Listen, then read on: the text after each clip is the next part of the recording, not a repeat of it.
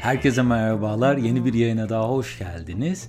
1998 yılında Türkiye'nin de yer aldığı Dünya Kupası tüm dünyada en fazla izlenen Dünya Kupalarından biri oldu.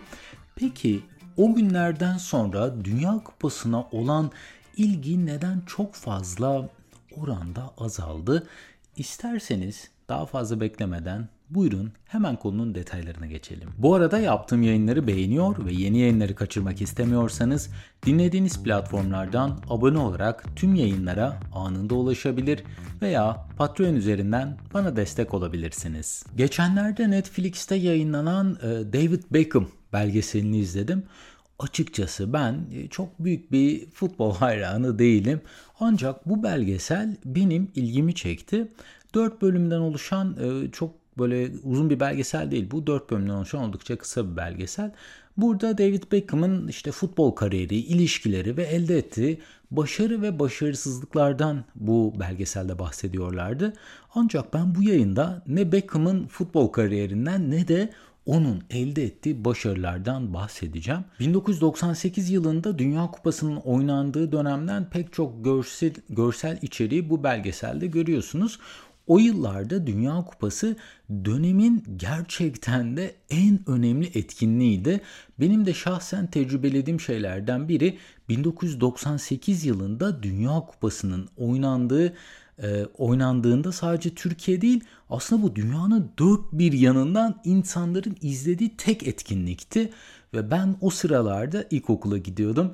E, Türkiye'de resmen o günlerde hayat durmuştu diyebilirim. A'dan Z'ye yaşlı, genç, çocuk demeden toplumun her kesiminden ve dünyanın her bir tarafından insanlar bu etkinliği izledi. Peki Dünya Kupası'nda değişen çok büyük bir şey olmamasına rağmen insanlar neden bu etkinliğe olan ilgilerini kaybettiler? Bu sorunun cevabını bulabilmek için bir araştırma yapmaya başladım ben de ve aynı olayın Eurovision şarkı yarışmasında da yaşandığını gördüm.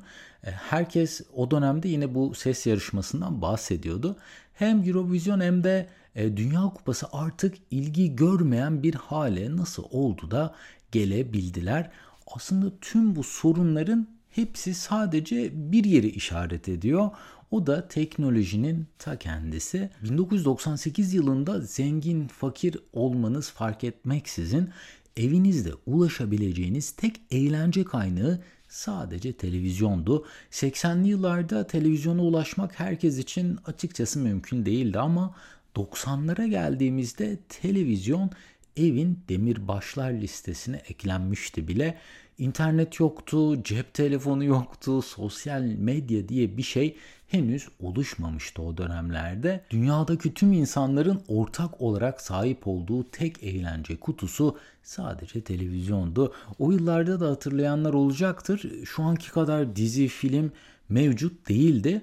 Ayrıca uydu antenleri de henüz daha piyasaya çıkmaya başlamıştı. O sıralar pek çok insan halk arasında bu e, kılçık anten diye hitap edilen antenleri kullanıyorlardı. Bundan dolayı da sadece birkaç kalanı ancak izleyebiliyordunuz. Ben ilkokula gittiğim yıllarda biz sürekli e, TRT1 izlerdik ve gerçekten de o dönemlerde e, 7 numara, Koçum Benim, işte Kara Şimşek gibi güzel diziler TRT'de e, çıkıyordu, oynuyordu. O dönemlerde tüm dünyanın aynı anda bir etkinliği izleyebilmesi yani tahmin edilemez derecede ilgi çekici bir olaydı. Yani Brezilya'nın bir köyündeki bir kişi de bu maçı izlerken Türkiye'den herhangi biri de aynı yayını izleyebiliyordu. O yüzden futbolla ilgilenen biri olsanız da olmasanız da sahip olduğunuz tek eğlence cihazında böylesine büyük bir olayı kaçırmak istemiyordunuz. O zamanlar e, dev diye hitap edilen insan boyunda neredeyse tüplü televizyonlar vardı. Onlardan bir tanesi bizim ilk okulumuzda e, spor salonuna kurulmuştu. Bütün öğretmenler, öğrenciler, okulun kantincisi, hademesi artık kim var ise nefeslerini böyle hepimiz tuttuk ve bu maçı izledik. Sertap Erener'in kazandığı Eurovision şarkı yarışmasında da aslında aynı şey olmuştu. Ayda yılda bir olan böylesine büyük bir etkinliği kimse kaçırmak istememişti. Kaseti şimdi ileri saracak olursak hayatımıza önce bilgisayarlar girdi. Ardından da internetin yaygınlaşması ile dünyaya bakışımız inanılmaz genişledi. Tuşlu telefonlar sadece e, iletişim kurmak için kullanılırken artık interneti cebimize sığdırabilir olduk. Bütün bunlara sahipken yani aslında bu cihazların ulaşabileceği içerikler hala çok limitliydi. Yani internet evet gelişmeye başladı ama işte 2010'lu yıllarda YouTube'da mesela müzik videolarında başka hiçbir şey yoktu. Yani internetten ödev hazırlamak ve bir şeyler öğrenmek açıkçası çok zorluydu. Ancak bir 10 yıl daha geçtikten sonra bu cihazların kullanımının zirve yapım, yapması ile artık kendimizi eğlendirmek, eğitmek, oyalanmak, güldürmek için yani artık milyonlarca farklı eğlence kutumuz oluşmaya başladı ve en son Dünya Kupası'ndaki tek maçı dahi ben şahsen izlemedim. En son ne zaman Eurovision ses yarışması yapıldı, kim kazandı en ufak fikrim dahi açıkçası yok. Artık insanların zamanını alıkoyacak olan o kadar farklı içerikler ve alanlar var ki insan hangisine vakit ayıracağım diye şaşırıyor. Yani Netflix'e giriyorsunuz sınırsız dizi ve film seçeneğiniz var.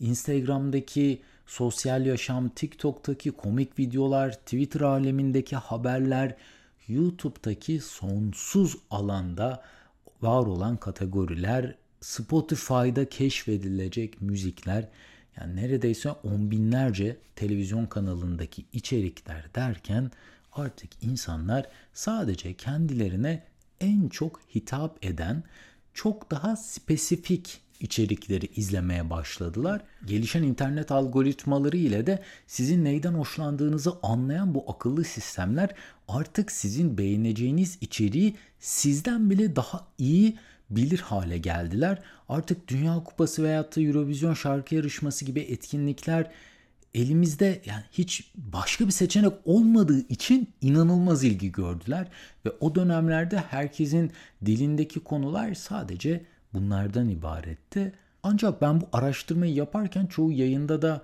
e, değindiğim bir konu e, aslında bu yeniden benim gündemime geldi.